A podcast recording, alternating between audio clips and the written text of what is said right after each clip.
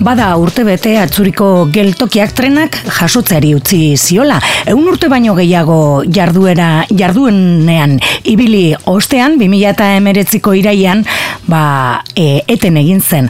Ordutik ba, e, geltokia geldi dagoela naiz eta hainbat gauza hitz egin den horren inguruan. Larun batean, lokomotorak elkarteak e, jardunandi interesgarria antolatu du atzuriko e, el, atzuriko Elis Museoan, amartardietatik aurrera, e, geltokiaren inguruan eta irigintzaren inguruan hausnartu nahi dute. Eta urrengo hiri eraldaketa osoetara begira atzuriko geltokia jardunaldiaren inguruan. Basetasun gehiago e, izateko gurean daukagu irati, hau bauerdion irati, Kaixo, guardian. Bueno, lokomotorak aspaldi dara masue, batzuriko geltokiaren inguruko hausnarketa ezberdinak egiten, partekatzen, parte hartzaia den prozesu batean, eta oraingoan bestelako jardunaldi bat ekarriko duzuez, irigintzatik begiratuko diozue eta e, atzuriko geltoki eraikin horri eta espazio horri, ez? Bai, alde batetik, e, koldotegieriaren ikasleek egindako azterketa eta ikerketa, e, ikerketen e, emaitzak, e, emaitzen e, esposaketa bat egongo da, eta e, e, haien azalpena, hori alde batetik. Eta beste alde batetik, atxo aman, e, e, Madrilgo arkitekta etorriko da, bere ikuspuntu, bere, bueno, irigintzaren inguruan eta arkitekturaren inguruko ikuspuntua entzun nahi genuke, eta horren inguruan e, udaletxeko e, beste pertsonekin, ba, eztabaida bat sortu nahi genuke e, irigintzaren ikuspuntotik eta bilboko eraldaketari begira.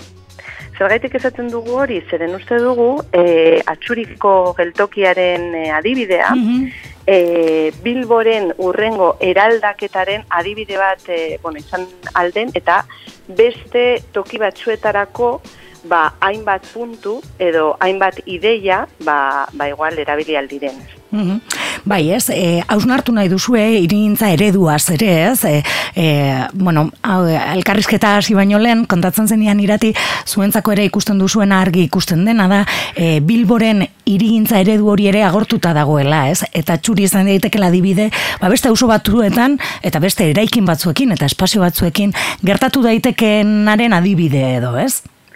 Bai, zeren, bueno, orain arte, e, Bilboren iriaren aldaketa, hasieran hiri industrial batetatik, gero zerbitzu hiri batetarako aldaketan, e, aldaketa hori hasi aurretik, e, e, bueno, ba, e, ikerketa batzuk egin ziren, eta e, objetibo batzu jarri ziren. Eta objetibo horien artean, horitariko bat, zen e, Bilboko iria, Bilboko iritarrentzat hiri apropos bat izatea, eta hiri, ba, ez dakit, ba, e, iri, iri, ba, e, erakargarri bat bilbon geratzeko. Eta e, e, objetibo hori, bueno, ba, hainbat gauza egin dira bilbon, e, bilbo hiri mm erakargarri eta hiri, ba, ez dakit osasunaren aldetik, mm erreprodukzioaren aldetik, zaintzen aldetik, erakargarri bat izatea, baina gure ustez, oraingo eredu e, desarrollista zaharkituta dago. Eta orain urrengo eraldaketa eta pandemiarekin ere ikusi dugu zen nola, bilbotik ezin izan garatera, ba, e, ikusi ditugu hain, bilboren hainbat utxune mm. edo berriztu mm. behar diren gauza. Orduan, proposatzen, bueno, pentsatzen edo proposatu nahi dugun eredua, da dagoena aprobetsatu eta dagoena eraldatu, ez, e, eraldatzeko ez dela behar inbertzioa ondirik. Mm Baizik eta dagoena aztertu, dituen utxunean edo dituen... E, dituen arazoak ba, konpondu, eta iria iritarrentzat diseinatu eta pentsatu. Mm -hmm. e, irigintza prozesu guztietan eta plangintza prozesu guztietan parte hartze prozesu bat egoten da. Hori legeak esaten du. Eta legearen barruan, irigintza prozesu, adibidez, Bilboko apoa garatzen e, garatu, e, garatu den bitartean, mm -hmm. ba, hainbat e, e, parte hartze prozesuak garatu dira. E, atxuriko adibidean, edo bai. geltokiko adibidean, e, espontaneoki edo elkarte bate, batet, bueno, baten bidez eta unibertsitatearen bidez mm parte hartze prozesu bat garatu zen. Orduan, honekin zer esan nahi dut, ja, legetik eskatzen den e, parte hartze prozesua eta iritarren e, iritzia hartzeko e, bueno, ba, ba bide hori, ba hemen ja hasieratik egonda. Eta e, atxuriko geltokia e, orografikoki dituen bueno, ba, dituen em, e, esaugarriak. esaugarriak edo mm. dagoen e, kokatuta mm. dagoen tokia, ba, mm -hmm. bueno, e, uste dugu ere Bilboren eraldaketari begira baneko garrantzitsuak mm -hmm. Adibidez, alde batetatik.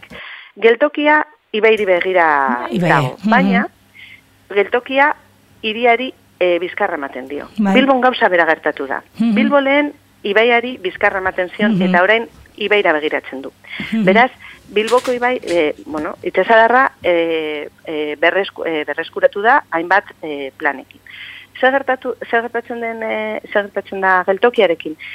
Geltokia, Paseo de los Caños eta e, San Anton Zubiaren aldeko, arteko e, e, puntu garrantzitsu bat da. Bai. Han, e, ibaiko, ibaiaren ertzeko paseoa e, amaitzen da.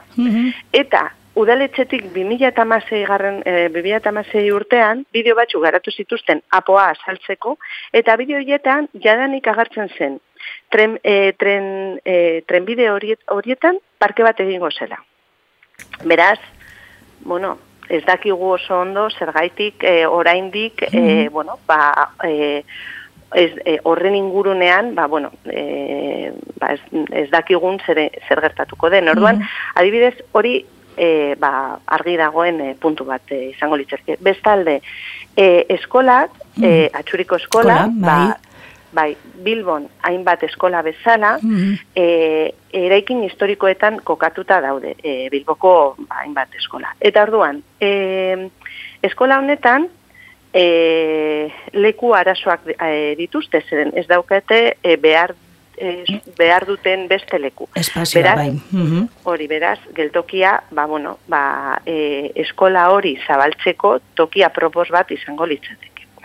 Bestalde, e, geltokia oso geltokia oso handia da. Beraz, mm -hmm. hainbat leku daude. Aipatzen zenidan irati, eh, bueno, bai. ba, e, errekari begira dagoena, baina gero eraikina ere, ba hor e, geltokiko e, bulegoak eta zaudelako, ez dugu asko saguntzen, baina kanpotik ikus dezakegu geltokia eraikina bera ere oso handia dela.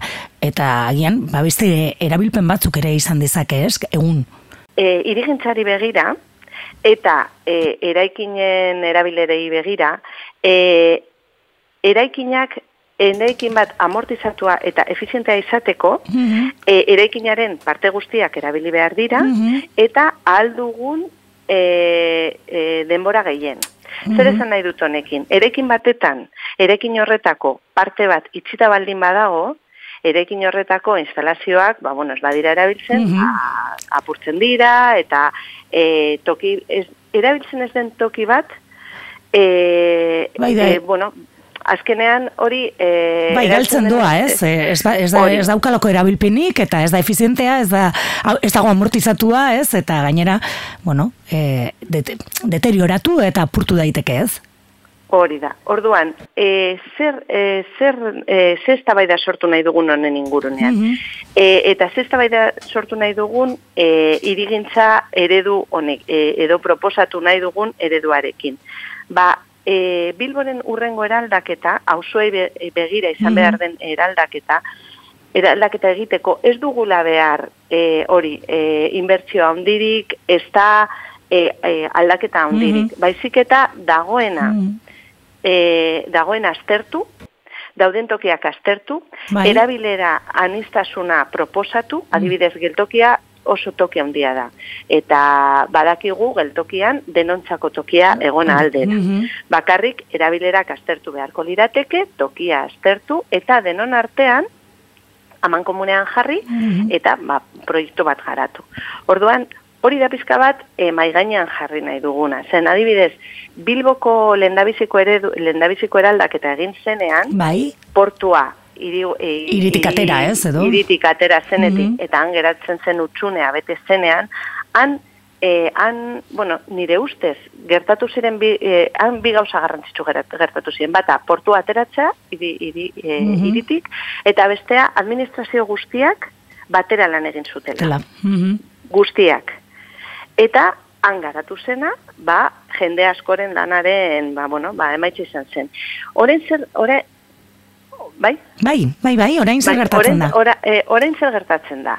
Orain, e, Bilboko eraldaketa hori eginda dago, ikusi da, bueno, ba, Bilboko aldaketa e, egin, egin dela, baina hori zen gertatzen da. Orain begira da, auzoetara bidali behar dugu. Nola mm. bizi diren bilbotarrek. Mm Edo nola bizi garen bilbotarrok.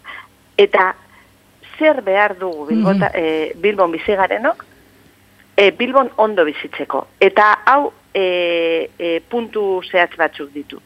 Alde batetik, e, zaintzak. Mhm. Eta pertsonen altzeko erlazioak. E, Gero, e, bueno, ba, naturarekiko e, erlazioa. Ba, kutsadura, zarata, hmm. temperatura egoera. Espazio berdeak ere beharrezkoak. Espazio berdeak. Bai. konturatu gara ere. Hombre, espazio berdeak eta espazio berdeen arteko konexioa. Bai. Mm Vale? Hau lotune oso handi bat dauka e, kirola egitearekin mhm. eta e, bueno, airearen kalitatearekin, temperatura egoerarekin eta hainbat e, gauzekin. Eta gero ere osasun fisikoa eta emozionala. Mhm. Osasun emozionala naturgunekin lotune oso handia dauka ez bakarrik e, natura e, bilboko kaleetan egotea, baizik eta natura ikustea. Mhm. Hau, daude, e, adibidez badago Bartzelonan Isglobal Institutoa, e, irigintza eta osasunaren arteko ikerketa pila bat egin dituena, mhm. eta indikadore batzu jartzen ditu. Eta indikadori horietan, bueno, ba, ikus dezakegu ze eragin zuzena daukan gure osasunean. E, eredu honetan, eredu zehatz honetan, e, atxurin puntu horretan, e, Paseo de los Caños, e, Bilboko, e, bueno, San Anton Zubiarekin, e, denarteko lotura bai. egitea, gure ustez, bueno, ba, funtseskoa da, zeren bai. azkenean natura, natura sartzea eta e, ibilbide hori jarraitzea, zeren e, adibidez, e, pandemia, e, pandemiaren momentu gogorrenetan, e, Bilboko udalak, hainbat kale mostu zituen, zituen bai, jendea bai, bai. Bai, bai. Aietariko bat atxurikalea izan zen. Mhm. Beraz, beharra... Ikusten zen. E, denok hori da. Mm Ikusten da, eta ikusten da, han lotura bat falta dela. Mm Bai, jarraitu alizateko, ez? Ibilbide, errakaren bai. ibilbidea.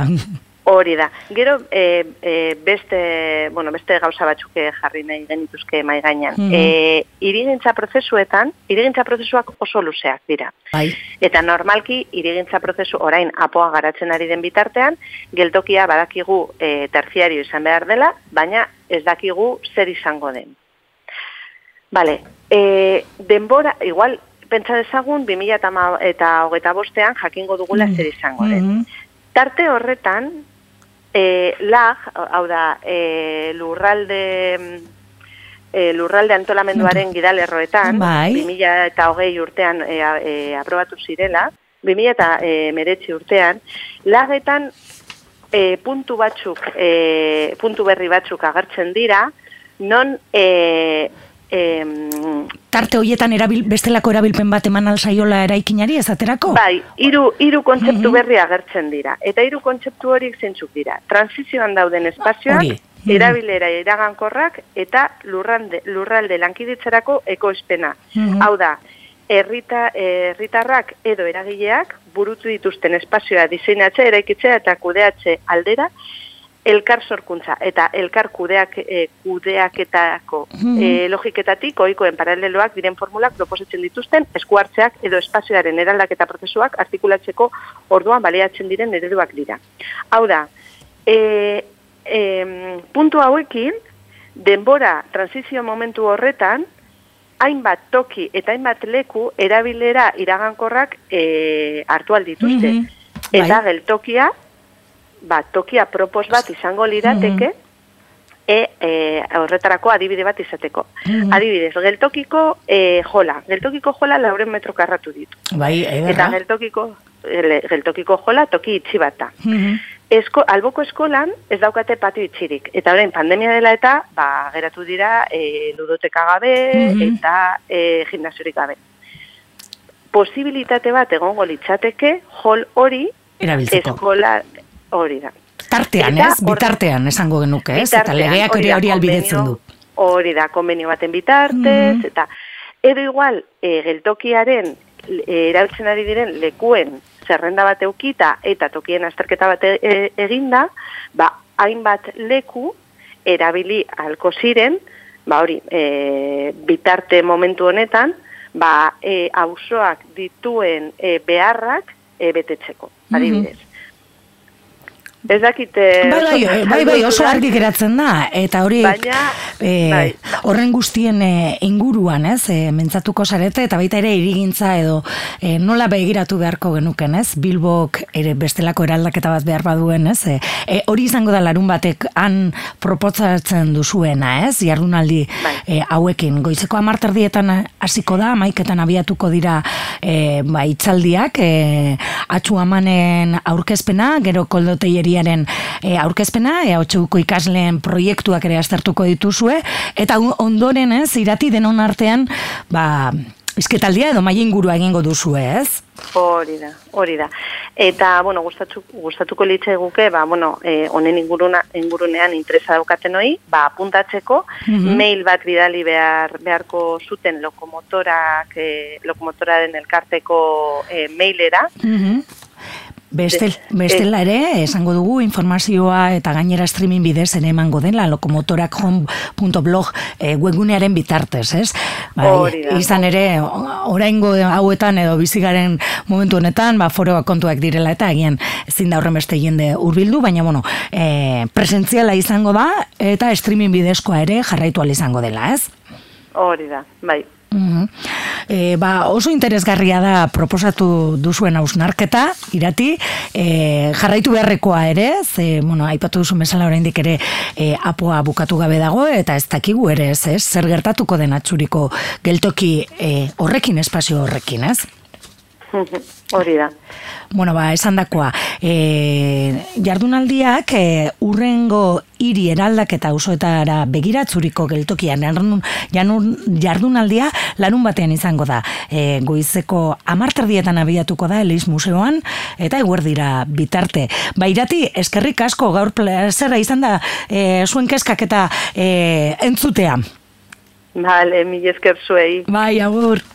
Venga, agur.